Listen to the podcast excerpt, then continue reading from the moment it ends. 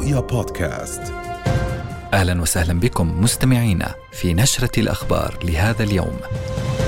كسر عظم، الجيش يوقع قتلى وجرحى في صفوف مهربين على الحدود الشمالية.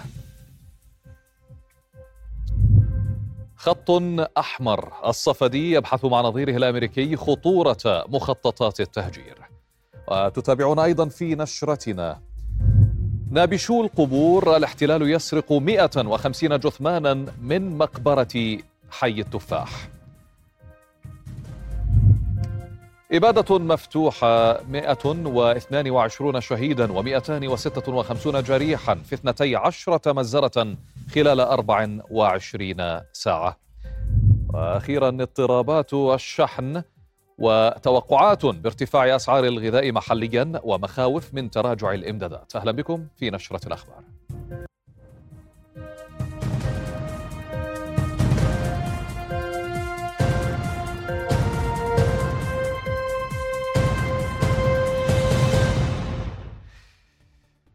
حياكم الله. أنهت القوات المسلحة الأردنية اشتباكها مع مجموعة من المهربين على الحدود الشمالية بعد طردها إلى الداخل السوري ومقتل خمسة مهربين واعتقال خمسة عشر آخرين في اشتباكات استمرت منذ الثانية فجرا وفق بيان الجيش العربي.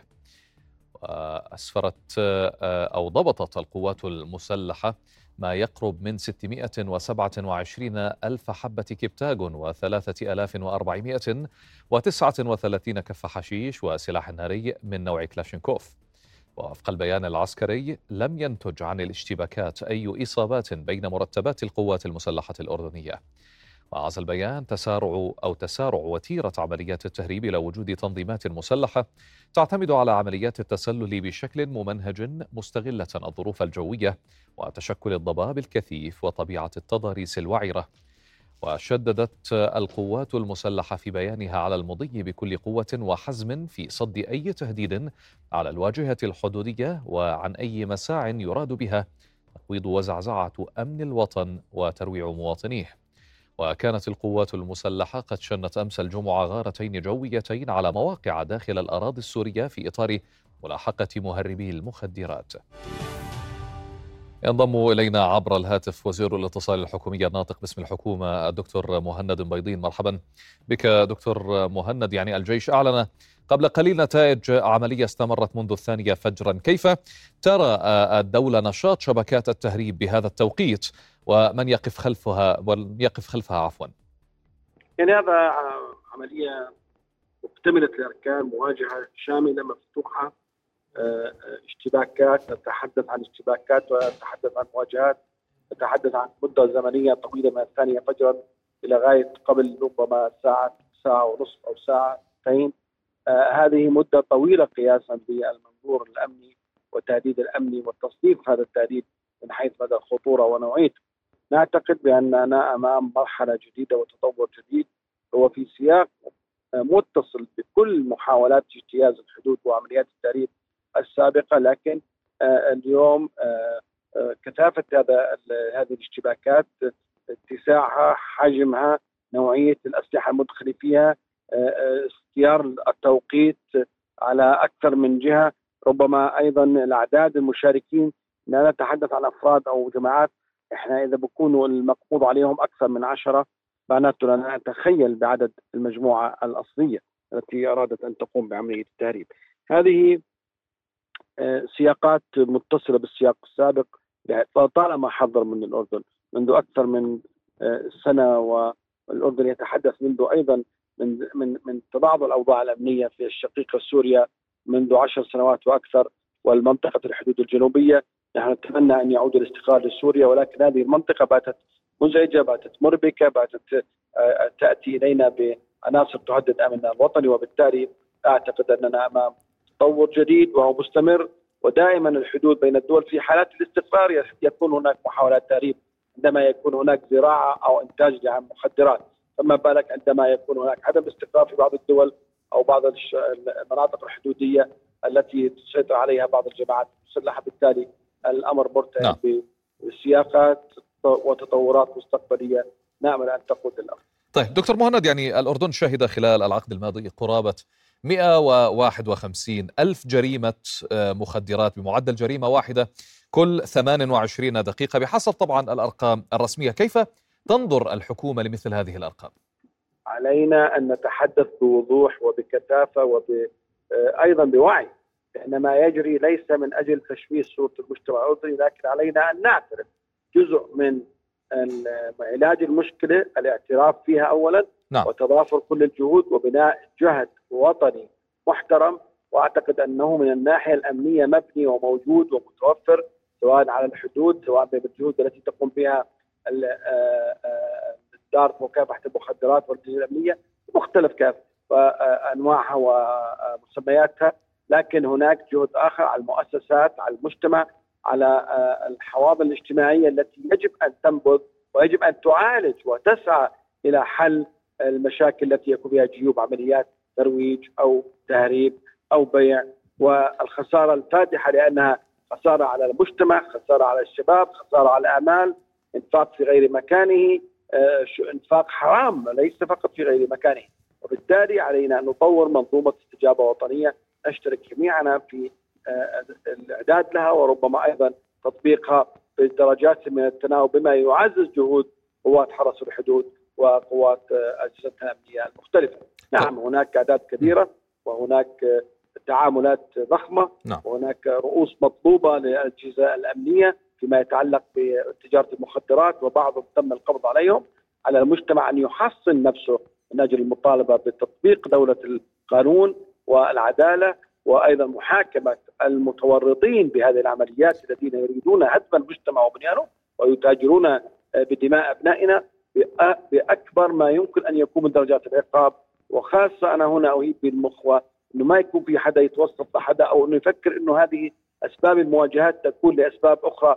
لأنه للأسف أخي العزيز عندما نقول بأننا نشن حملات مواجهة واشتباكات مع الحدود البعض يذهب بالحديث آخر ويؤول ويقول يريد أن يشغلون عن قضايانا الكبرى القضية الوطنية المقدسة لدينا هي أمن الأردن. اولا وأخيرا وهذا ما يجب أن يعنينا ونهتم فيه وقضايانا الأخرى تأتي بعدها. طيب في الحديث يعني بما تفضلت به ما الذي يلزم الآن الجبهة الداخلية في هذه في هذا التوقيت تحديدا وهذا اليوم للخلاص من تلك الآفة؟ آفة أن يلزم أن نعطي الثقة أكثر لمؤسساتنا؟ لدورها الوطني لممارسة القانون لدولة المواطنة للعدالة لتطبيق القانون بحزم لعدم التستر على أي شخص يقوم بعمليات ترويج أن تأخذ المجتمعات المحلية مسؤولياتها وأيضا البلديات ومؤسسات الرقابة الاجتماعية وتعرف أن هذه المنطقة هذه البؤرة فيها مكان لتوزيع المخدرات وبيعها أن تبلغ عنها الأجهزة المعنية. هذا جزء مهم جدا هذا هذه حرب اجتماعية أخرى يقودها المجتمع اولا وأخيرا. لا يمكن للأجهزة الأمنية أن تحط أو تضع عفوا رقيب على كل مكان لبيع القهوة والدخان أو لمقهى. نعم. هذه مسألة كبيرة المجتمعات الحية هي التي تدافع عن نفسها وتقود المواجهة وليست فقط الأجهزة الردع الاجتماعي مهم سيد نعم. وهذا مهم جدا حتى نصل إلى مرحلة من اليقين الوطني بأننا نذهب إلى الأفضل ولكي لا يكون هناك جهد على الحدود وجهد لدى الأجهزة الأمنية وفي النهاية في المجتمع نجد ضعف في وعون أحيانا وتستر وإخفاء لبعض القائمين بعمليات الترويج والبيع. وزير الاتصال الحكومي الناطق باسم الحكومة دكتور مهند المبيضين كنت معنا عبر الهاتف شكرا جزيلا لك.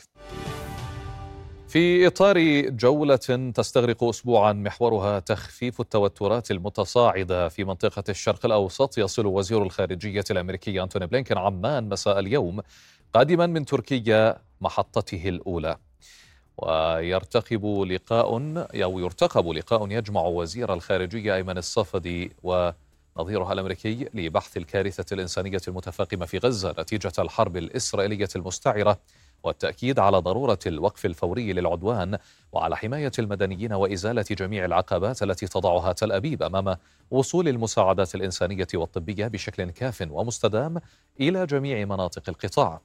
كما سيحدد الصفدي تأكيد الموقف الأردني الثابت في رفض تهجير الفلسطينيين داخل أرضهم أو خارجها ورفض أو إلى خارجها عفوا ورفض أي مقاربة مستقبلية للتعامل مع غزة من منطلق أمني وخارج سياق خطة كاملة وشاملة قائمة على وحدة غزة والضفة والقدس الشرقية.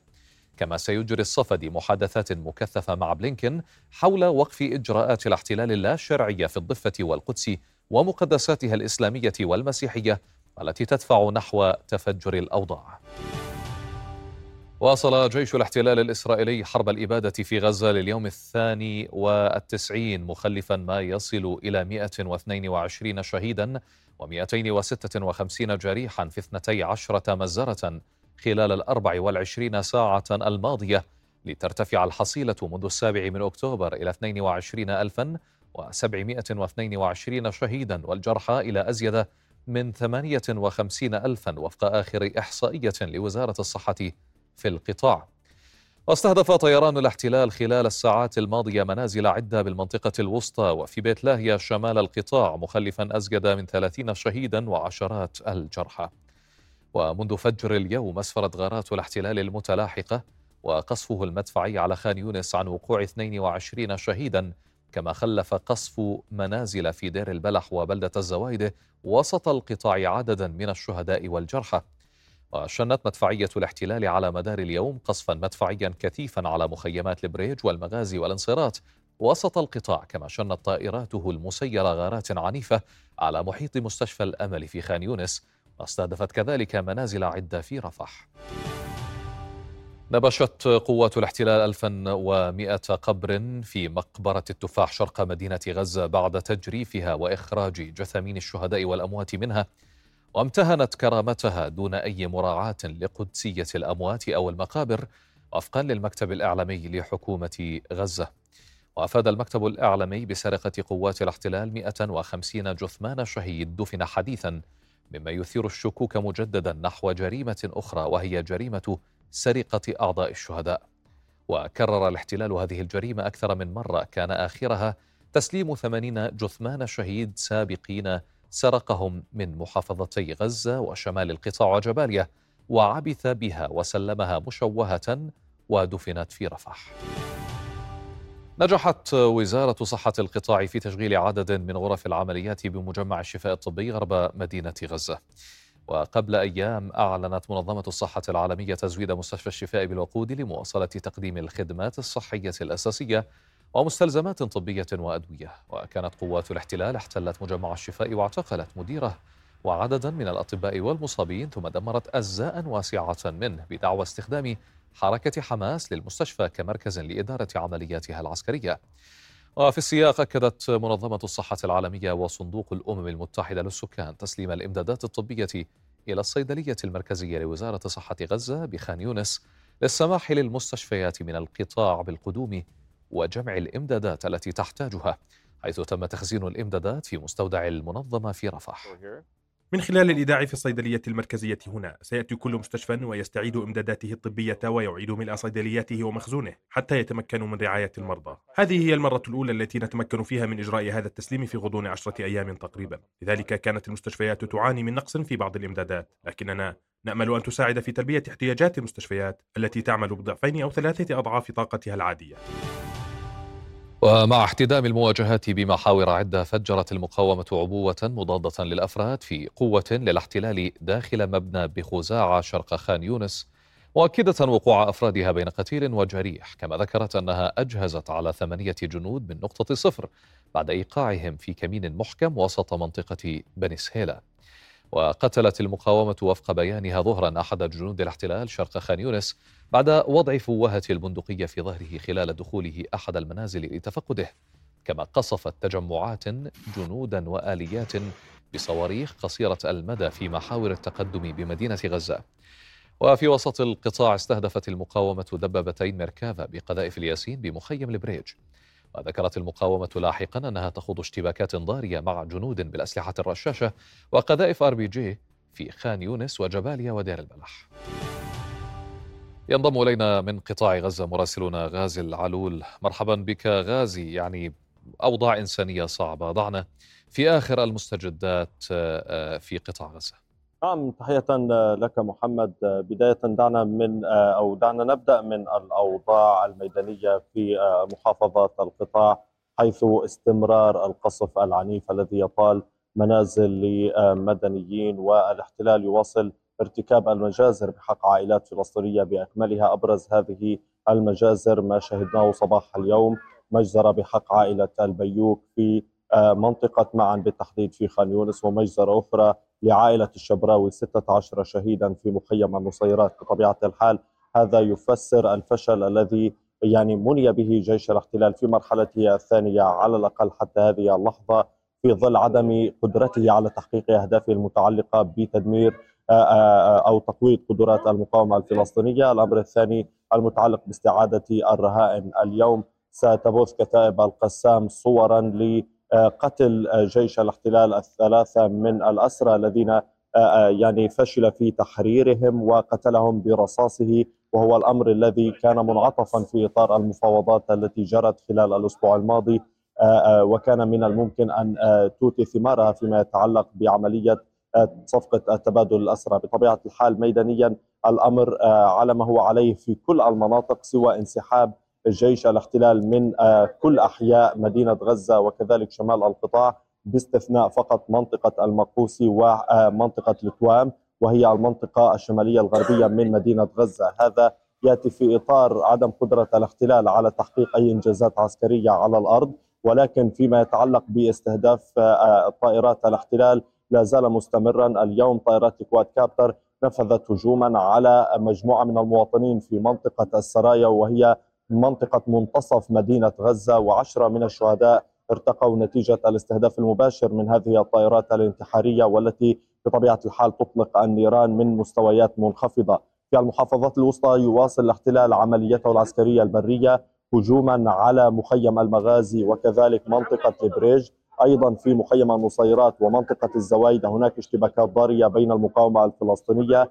أيضا في مدينة خان يونس لا زال الاحتلال يواصل محاولته للتقدم إلى عمق هذه المدينة من ثلاثة محاور رئيسية في وقت آه، تتصدى المقاومة الفلسطينية وتقول إنها دمرت عددا من آليات الاحتلال وأوقعت قوة راجلة للاحتلال آه، آه، في كمين محكم وأسقطت كل الجنود ما بين قتيل وجريح والمتعارف عليها أن الاحتلال لا يكشف عن قتلاه في بداية أو في نهاية الأسبوع بالنسبة لهم وفي إجازاتهم الرسمية. بالتالي من الممكن أن يتم الإعلان غدا عن عدد كبير من قتلى جنود الاحتلال في ضوء استمرار تصدي المقاومة الفلسطينية لعمليات التوغل نحو آه، آه، المحافظات والقرى الفلسطينية هنا في قطاع غزة.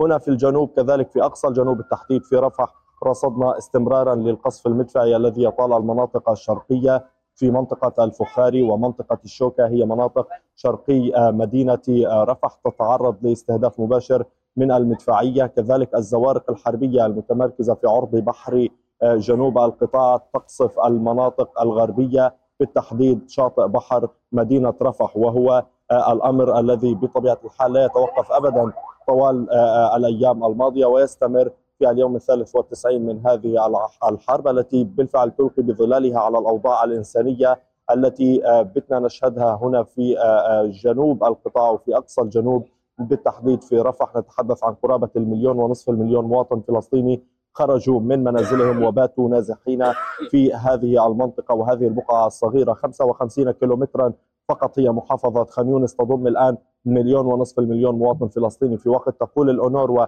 إن مليون وتسعمائة ألف فلسطيني هم نزحوا وخرجوا من منازلهم في مناطق متفرقة بعضهم في مراكز الإيواء في آه، كل المحافظات والبعض الآخر أو الجزء الأكبر نحو مليون وثلاثمائة ألف وفق تقديرات الأونور وهم موجودون الآن في محافظة رفح. هذا الأمر يفسر بطبيعة الحال ما وصل إليه الفلسطينيون بعد آه، ثلاثة أشهر من استمرار هذه الحرب وكل التقديرات تقول بأن هذه العوامل ستعمل على تفشي الأمراض بكثرة الأوبئة وكذلك آه، آه، الأمراض المعدية خاصة بين الأطفال آخر المؤشرات من قبل وزارة الصحة تقول بأنها آه، يعني رصدت 370 ألف حالة مصابة بالعدوى بين صفوف الأطفال نتيجة عدم توفر سبل النظافة اليومية عدم توفر أساسيات الحياة آه، آه، الكريمة بالنسبة للفلسطينيين الذين نعم. بالفعل هم باتوا واضحين في يعني ما يريدون هم لا يريدون إدخال المساعدات لا يريدون أي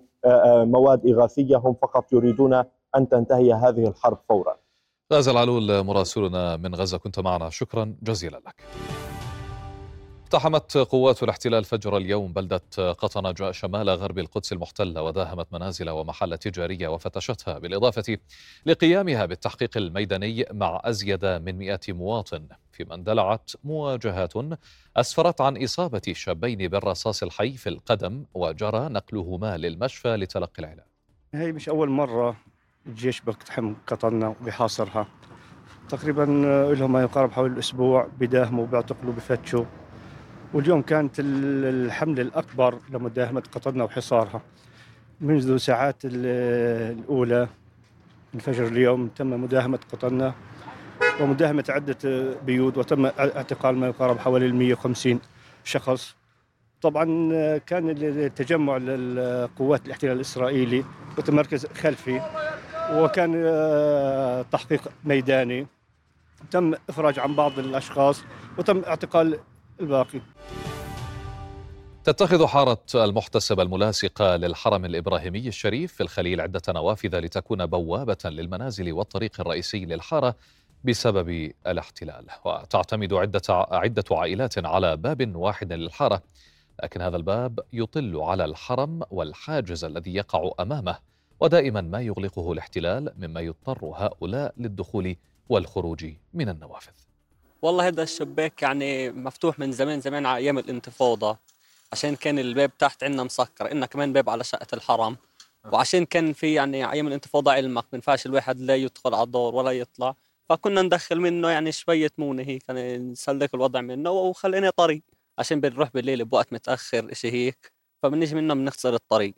إحنا حاليا صار هذا لنا مدخل رئيسي. يعني لو اجينا ضيف ومين ما اجى إلا من دخله من هون. لو بدنا نجيب أغراض مثلا شيء هيك يعني من هون كله من المكان الضيق هذا يعني أنت شايف كيف حجمه ومساحته ولو في عندنا مريض لو عندنا أي شيء برضه إلا منه يعني من هذا الشباك. ما فيش مجال. إحنا تعودنا على هذا الشيء لأنه من زمان إلنا هي يعني خلص إلا من الشباك هذا شوف أنا بعد ما دخلتك من الشباك هذيك محل ما فرجيتك هون دخلتك على حارتنا. هي حارة المحسب طبعا يعني فيها عدد كبير من السكان وكلهم لهم نفس الطريق هذيك نفس الطريق. وإحنا كمان بنطلع من هون على باب الحرم والبلدة. طبعا الحرم هون بسكر على الساعة 9 وفي حاجز ممنوع ندخل بعد الساعة 9 وهذا الإشي يمكن أنت بتعرف يعني إنه هون بسكر الحرم إحنا ممنوع. خلص بعد الساعة 9 ما حداش منا بينزل على السوق. لأنه خلص شوف الشباك أريح من كل الشقات. أنا يمكن أطلع ألاقي جيش بوجهي. يمكن أطلع ألاقي إنه في مثلا مشاكل على الباب على هيك. فعشان هيك خلص إحنا بنخسر الطريق وبننزل من الشباك. أفضل لنا من غير طبعا إحنا عندنا هون بالحورة 27 عيلة فإحنا هيك بالليل مثلا لما بدهم يروحوا على محل يشتروا مثلا من دكان من إشي بدهم حاجة ضرورية فكلهم بدل ما يطلعوا من هون يلاقوا مثلا جيش أو إشي أو مضايقات إلهم فبنعديهم من عندنا من الشباك من فوق.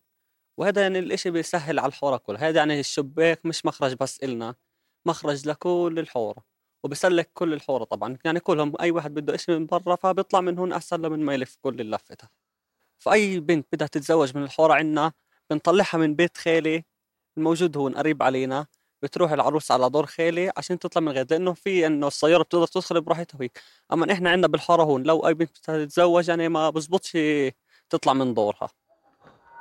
هذا الشباك الضيق يفضي إلى حارة كبيرة.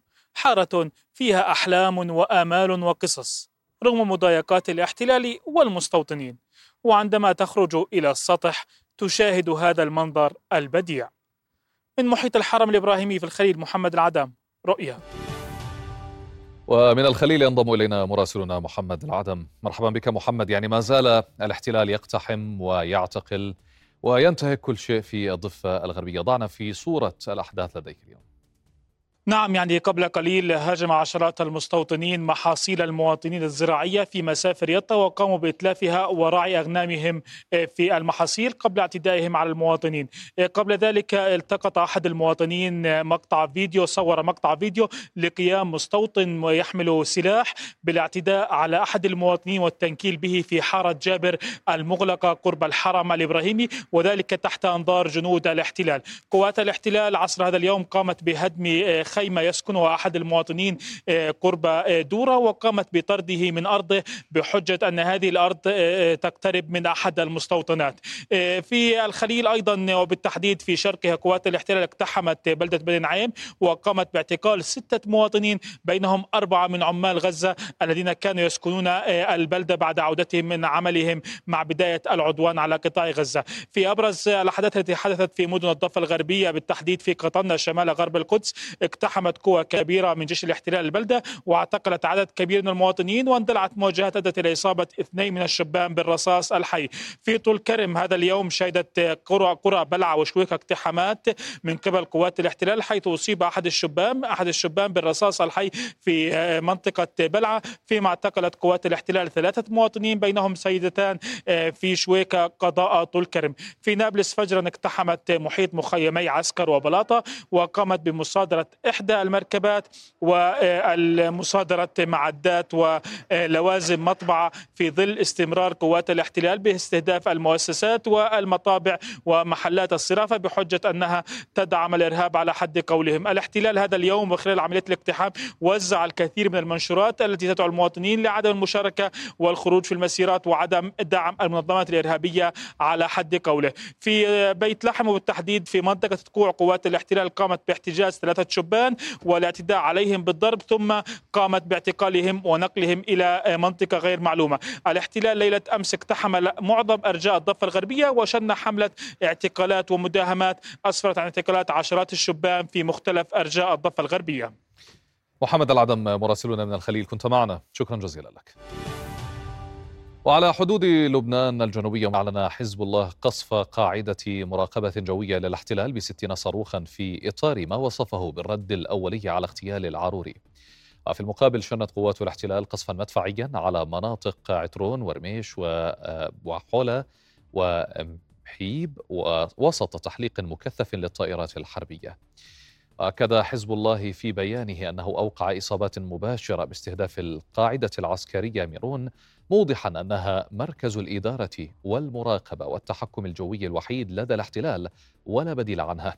ولاحقا أفادت مراسلة رؤيا بشن الاحتلال غارات على وسط عيت الشعب والأحراج كما أطلق قذائف فسفورية وسط بلدة الخيام وفي الأثناء أعلن جيش الاحتلال إغلاق جميع الشوارع والمفارق على طول الحدود مع لبنان.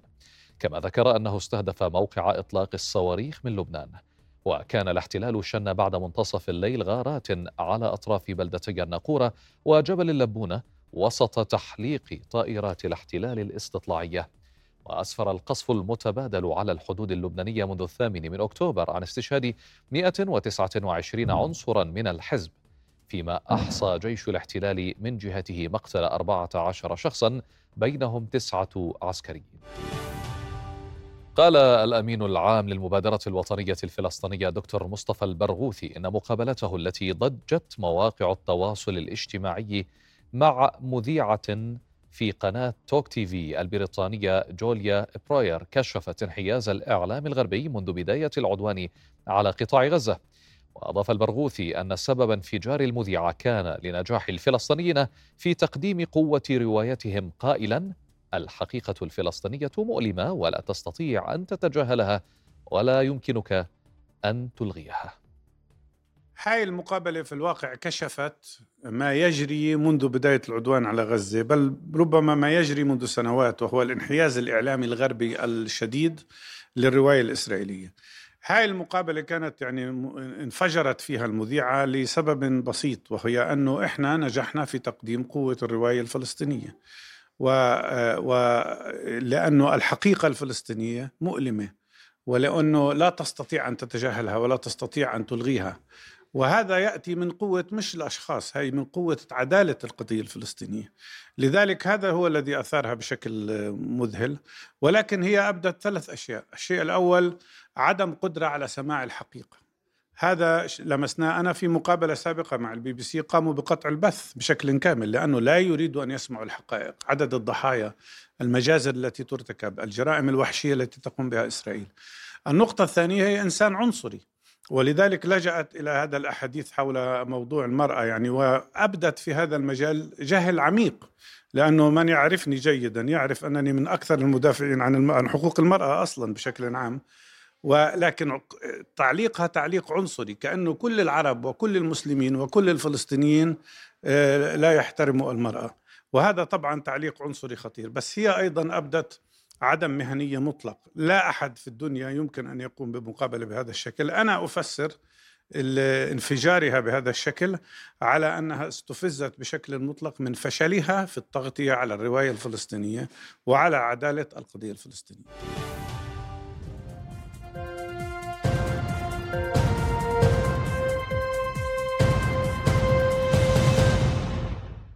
أهلا بكم في النشرة الاقتصادية. شهد العام 2023 تقلبات كبيرة في أسعار الغذاء بظل الاضطرابات اللوجستية وانعكاسها على عمليات الشحن فضلا عن التغيرات المناخية التي أثرت على مستويات الإنتاج. وحجم الطلب ليسجل مؤشر منظمة الأغذية والزراعة لأسعار الغذاء الفاو تراجعا بنسبة وصلت إلى 14% مقارنة بالعام الذي سبقه. أسعار الحبوب سجلت تراجعا بنسبة وصلت إلى 15.3% العام الماضي نظرا لوفرة الإمدادات بالسوق رغم تأثر أسعار القمح. نتيجة الاضطرابات الجوية والتوترات المرتبطة بالبحر الأحمر في الشهر الأخير من العام في خضم طلب قوي. فيما سجلت أسعار الزيوت أدنى مستوى له في ثلاث سنوات مع انخفاضها بنحو 33% في العام الماضي بدعم من تحسن الإمدادات العالمية لمختلف أنواع الزيوت. وأقل انخفاض رصد في أسعار اللحوم إذ تراجعت قرابة 4% العام الماضي بدعم من تزايد الكميات المتاحة للتصدير في خضم ضعف الطلب على الواردات من أبرز الدول المستوردة. كما تراجعت أسعار منتجات الألبان بنحو 17% العام الماضي مدفوعا بضعف الطلب على الواردات وسط وفرة المخزونات في البلدان المستوردة. السكر المنتج الوحيد الذي سجل ارتفاعا في أسعاره بنسبة وصلت إلى 27% العام الماضي وبأعلى مستوى منذ 2001 أرجعته منظمة الفاو إلى مخاوف من تشديد التوازن العالمي بعد اتخاذ دول منتجة إجراءات لحماية إنتاجها المحلي. وفي ذات السياق بدأت أسعار بعض المنتجات الغذائية العالمية خصوصا الحبوب تشهد ارتفاعا منذ الشهر الأخير من العام الماضي بسبب اضطرابات في عمليات الشحن على إثر هجمات الحوثي على السفن السالكة للبحر الأحمر. وأسهم أيضا في ارتفاع أجور الشحن بأزيد من ضعفين بحسب منصة الحز والدفع للشحن الدولي. محليا توقع الخبير الاقتصادي مفلح عاقل أن تشهد أسعار السلع ارتفاعا خصوصا وأن المملكة ترتبط بتعاملات تجارية واسعة مع دول الشرق الأقصى مثل الصين والهند لاستيراد القمح والأرز ومواد غذائية. وحذر من نقص السلع بالأسواق في حال توجه السفن إلى رأس الرجاء الصالح بديلا للبحر الأحمر حيث يستغرق وصول البواخر للعقبة وقتا أطول. وفي مجال المشتقات النفطية أكد الخبير النفطي هاشم عقل عدم وجود أي مخاطر على إمدادات الأردن إذ يستورد المشتقات النفطية من شركة أرامكو السعودية عبر مينائي جدة أو ينبع أو موانئ الأبيض المتوسط مثل الجزائر وتركيا واليونان. أما النفط الخام يستورد من العراق برا. القطاع الصناعي الأردني أبدى تخوفه أيضا من تأثر عمليات الإنتاج باضطرابات الشحن بالبحر الأحمر وما نجم عنها من ارتفاع كلف النقل والتأمين. نائب رئيس غرفة صناعة عمان تميم القصراوي قال إن 50% من واردات المملكة تمر من البحر الأحمر خصوصا من الصين واليابان والهند وماليزيا ونيوزيلندا وأستراليا وبالتالي ستتأثر باضطرابات الشحن عبر البحر الأحمر. ولفت إلى أن خيار استخدام ميناء صلالة في سلطنة عمان وميناء جبل علي في الإمارات عبر إنزال شحنات البواخر فيهما ومن ثم نقلها برا إلى المملكة يعد مكلفا. وتقدر كلفة نقل حاوية تصل إلى 40 قدما ما بين 1800 إلى 2400 دينار فضلا عن استغراقها فترة زمنية طويلة. ودعا إلى البحث عن بدائل تضمن القطاع الصناعي استمرار وصول المواد الخام للمصانع المحلية. وكشف عن مقترح حكومي لإلغاء حصرية إنزال الحاويات في ميناء العقبة مؤقتا لمنح الفرصة لإنزالها في ميناء الدمام في السعودية ونقلها برا إلى الأردن. وفي ذات السياق أشار القصراوي إلى عرض قدمته شركة يمنية تمتلك ثلاثة بواخر لنقل البضائع عبر ميناء جبل علي في الإمارات وصولا إلى ميناء العقبة. موسم التخفيضات السياحية والتجارية في العقبة آمال تنعش القطاعات الاقتصادية الأكثر تأثرا بتداعيات الحرب على غزة إذ نجح في أول أسبوعين في استقبال آلاف الزوار ورفع نسبة الحجوزات الفندقية إلى 60%. شهدت العقبة منذ انطلاق موسم التخفيضات في العشرين من كانون الأول الماضي حركة تجارية وسياحية نشطة مسجلة دخول أكثر من ثمانية آلاف زائر منذ إطلاق موسم العقبة للتخفيضات آه، من ما يقارب الأسبوعين تقريبا آه، شهدت العقبة حركة سياحية آه، وتجارية نشطة انعكست على الطلب السياحي والتجاري في العقبة بشكل واضح ونسب إشغال الفنادق اللي كمان تزامن مع تشغيل برنامج أردننا جنة بالتعاون مع وزارة السياحة. اليوم استقبلت العقبة باخرة سياحية عادت الأمل بموسم البواخر السياحية لمدينة العقبة اللي توقف الفترة الماضية كاملة. نسبة الإشغال الفندقي ارتفعت أزيد من 60% تزامنا مع وصول باخرة على متنها 300 سائح بعد أن سجلت تراجعا لافتا خلال الشهرين الماضيين على إثر الحرب على غزة إذ لم تتجاوز نسبة الإشغال العشرة في المئة.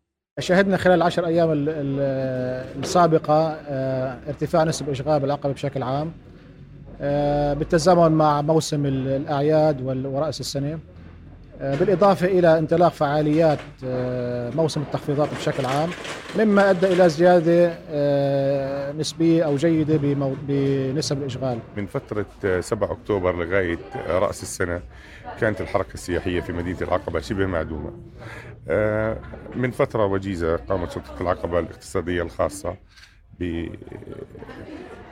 فرص جديدة في مهرجان تخفيضات العقبة مشكورة. الحمد لله يعني من رأس السنة لحد الآن إحنا عم بنشوف حركة سياحية داخلية آه، متوسطة إلى جيد جدا في مدينة العقبة بحكم آه، يعني عطل المدارس ومهرجان التخفيضات القوي اللي قامت فيه مفوضية السياحة في مدينة العقبة. أكثر من 200 ألف زائر من كافة الوجهات السياحية المتوقع استقطابهم خلال موسم التخفيضات الذي ينتهي في الحادي والعشرين من شباط المقبل والهادف إلى تحريك النشاط التجاري والسياحي بعد التوقف القسري الذي فرضه عدوان الاحتلال الغاشم على قطاع غزة. أخبارنا مستمرة ولكن بعد هذا الفاصل.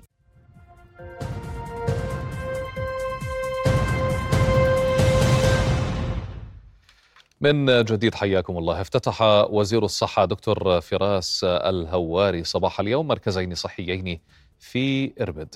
وبلغت تكلفة إنشاء مركز صحي في كفر أسد مليون أو مليونا وثلاثمائة ألف دينار وتم تمويله من موازنات اللامركزية بمساحة بناء وصلت إلى 2040 مترا مربعا.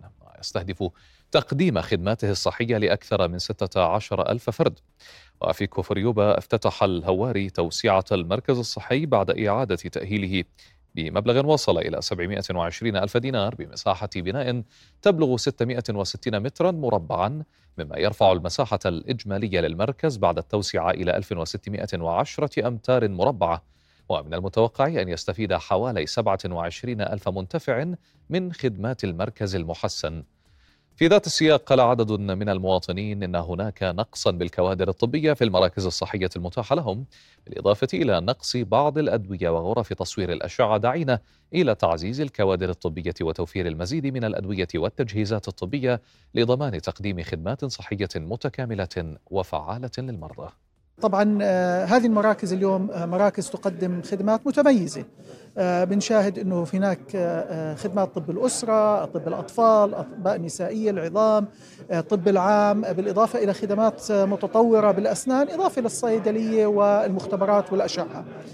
طبعا اليوم هذا النموذج من المراكز هو النموذج التي تتبناه وزارة الصحة واللي إن شاء الله سنستخدمه للخروج من آه، النموذج القائم حالي واللي هو التركيز على المراكز آه، أو وجود المراكز الفرعية اللي ما بتؤدي الخدمة المطلوبة واللي سنبدأ بعملية دمجها وتحويلها إلى مراكز آه، شاملة تقدم خدمة أفضل للمواطنين. أكد وزير الثقافة الفلسطيني عاطف أبو سيف أن آلة الحرب لم تتوقف عن تدمير البشر والحجر بل سارعت في تدمير كل معلم تاريخي وثقافي في أتون الإجرام المستمر منذ ثلاثة أشهر في حوارية نظمتها وزارة الثقافة على مدرج المركز أو مدرج المركز الثقافي الملكي. بين الوزير الفلسطيني أن الخسائر الفادحة التي استهدفت المنشآت والشخصيات الثقافية في القطاع والتي أحصيت حتى اللحظة بلغت 45 فنانا وكاتبا وشاعرا وموسيقيا وروائيا وخسارة ما يقرب من 320 ثوب مطرز ودمار في المساجد والكنائس التاريخية. وكان أبو سيف قد خرج من قطاع غزة مؤخرا بعد 85 يوما عاشها تحت القصف. هناك استهداف ممنهج للثقافة الفلسطينية وللتراث المادي وغير المادي زي ما تفضلت معاليها من قبل قوات الاحتلال. جميع المراكز والمؤسسات الثقافية في مدينة غزة وشمالها دمرت بشكل كامل جزئي يمكن لك أن تفهم أنه مركز مركز رشاد الشوا مكان مرتفع وعالي وربما قريب الشفاء وقد يعني في الأمور الحربية قد يكون يعني تضطر تقعد فيه مثلا. ولكن لا يمكن لك أن تفهم لماذا يدمر. لا يمكن لك أن تفهم مثلا لماذا تدمر مكتبة بلدية غزة. وهي أكبر مكتبة عامة في فلسطين مش في غزة بالمناسبة. مش بقول هيك لأنه مدينة غزة هي أكبر مدينة فلسطينية من حيث السكان. يعني مدينة عدد السكان 900 900 ألف. فبت... ومعليك هذه المكتبة العامة التي يعني كنت أنا برتادها قبل خسرنا فيها كنوزا ثقافية كبيرة هي كتب التي طبعت قبل النكبة النسخ الأصلية لكتب فلسطين والصحف الفلسطينية صحيفة الدفاع وفلسطين والجامعة الإسلامية. الصحف الفلسطينية النسخ اللي موجودة بمدينة غزة موجودة بهذه المكتب للأسف تم تدميرها.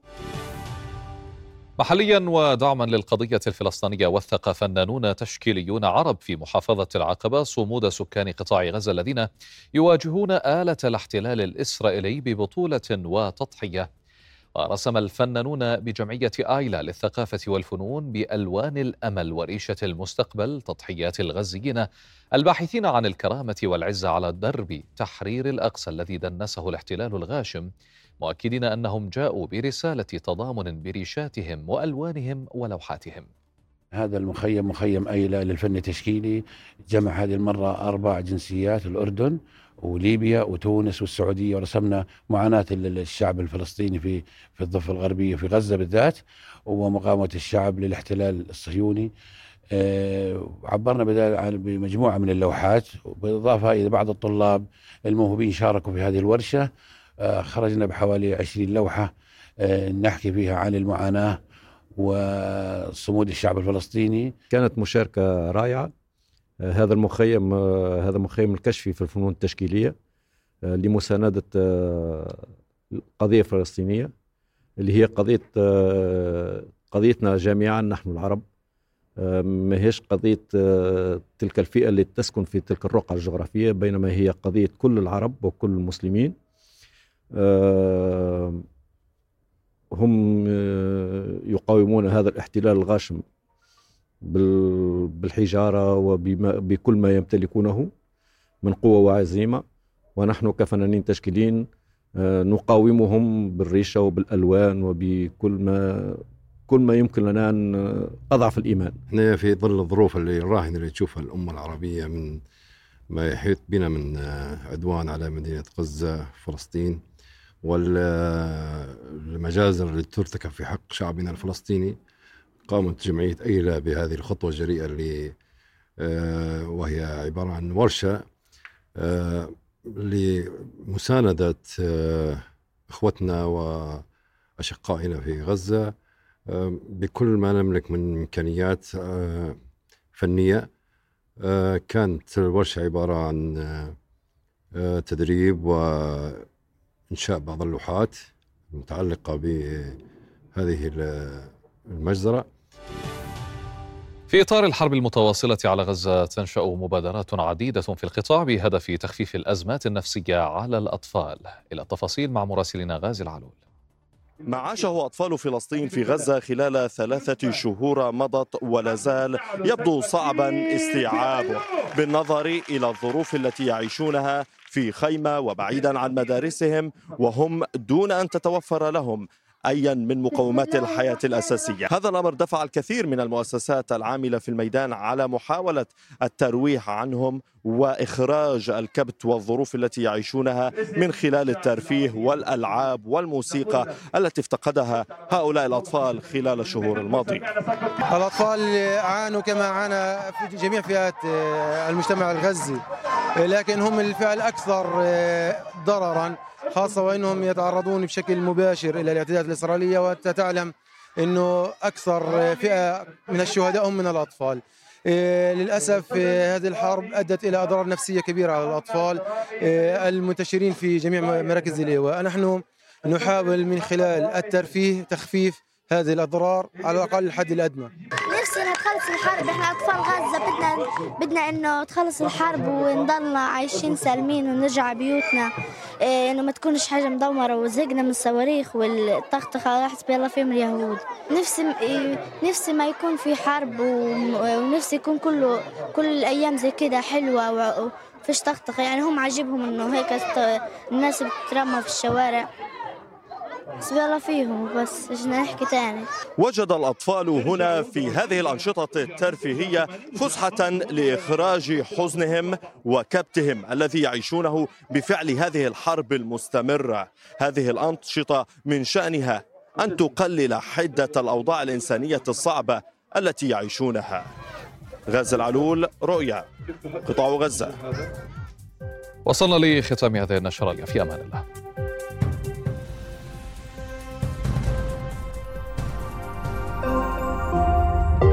رؤيا بودكاست.